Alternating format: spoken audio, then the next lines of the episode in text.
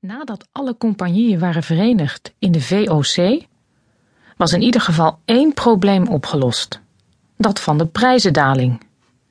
Omdat namelijk twaalf maatschappijtjes in het kleine Nederland hun handelswaar wilden slijten, gingen ze elkaar beconcurreren in plaats van de Portugezen. Het gevolg was dat de prijzen daalden en de Oosterse handelswaren minder opbrachten. Daardoor bleef er minder geld over om een nieuwe reis mee te kunnen financieren. Het andere probleem, concurrent Portugal, was er ook nog. Met de komst van de Verenigde Oost-Indische Compagnie kreeg de handelsvaart op Indië ook een meer militair karakter. De VOC had namelijk van de Staten-Generaal toestemming gekregen om in haar naam forten te bouwen in Azië, soldaten in te zetten en verdragen te sluiten. Ze was niet alleen een doorsnee handelsmaatschappij, maar een zeewaardig verlengstuk van de Nederlandse staat. Een drijvend stukje Nederland. De Nederlanden zijn tussen 1568 en 1648 in opstand tegen de Spaanse overheerser.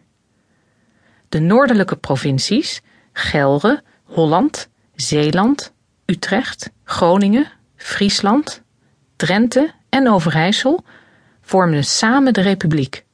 Zij hadden zich losgemaakt van Spanje. De zuidelijke Nederlanden, waaronder Brabant, Limburg en delen van het huidige België, waren nog steeds in Spaanse handen. Onderweg naar Azië kwam je nog wel eens Spaanse schepen tegen en de ruzie tussen de Republiek en Spanje werd gewoon op zee voortgezet. De Spaanse koning Philips II had zijn schepen de opdracht gegeven om schepen van de Republiek te kapen of te plunderen. Omgekeerd had de Staten-Generaal er ook geen enkel probleem mee wanneer de VOC Spaanse schepen aanviel. Eenmaal op zee kon je niet gemakkelijk om versterking vragen. Als je een schip tegenkwam van een land waarmee je in oorlog was, dan werd die strijd op zee voortgezet.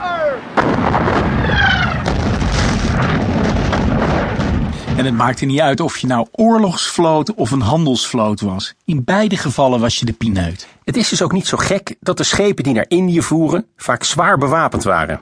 Of in een groepje begeleid werden door oorlogsschepen. Dat laatste heet convoyeren. De schepen die varen dan dicht bij elkaar, zodat ze een minder makkelijk doelwit zijn voor piraten. Ah, Kapers waren niet alleen op de route naar Azië actief. Ook op de Noordzee was het een veel voorkomend probleem.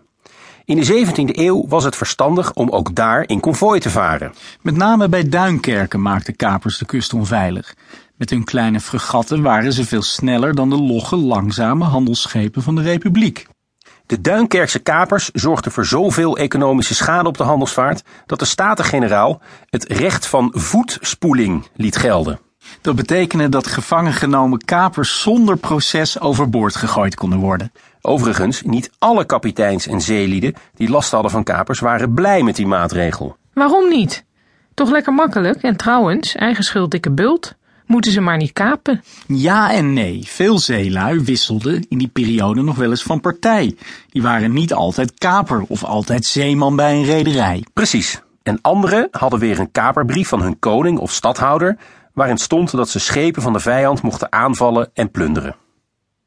Een zeereis naar Azië was een zeer gevaarlijke onderneming. Het tegenkomen van vijandelijke schepen was slechts één van de vele problemen en moeilijkheden. Het grootste probleem was de navigatie. Om op de juiste plek aan te komen, moest je eerst weten waar je bent, je eigen positie bepalen. Vervolgens moet je weten waar je naartoe gaat. Dit was een enorm groot probleem. Mensen wisten niet goed hoe de wereld eruit zag. De kaarten die er van de wereld bestonden waren vaag en incompleet. In de meeste gevallen was het een grote gok hoe de eindbestemming er in werkelijkheid uit zou zien. Om de eigen positie te bepalen, keken de zeelui vooral goed uit hun doppen. Als er land in zicht was, dan hield men goed de bomen, planten en dieren in de gaten, want die kunnen je een hoop vertellen over waar je bent. Zo groeien er geen palmbomen in Noorwegen en lopen er geen ijsberen rond in Afrika. Als er geen land in zicht was, dan werd er gelet op de kleur van het water. Dit alles noemen ze varen op gegist bestek.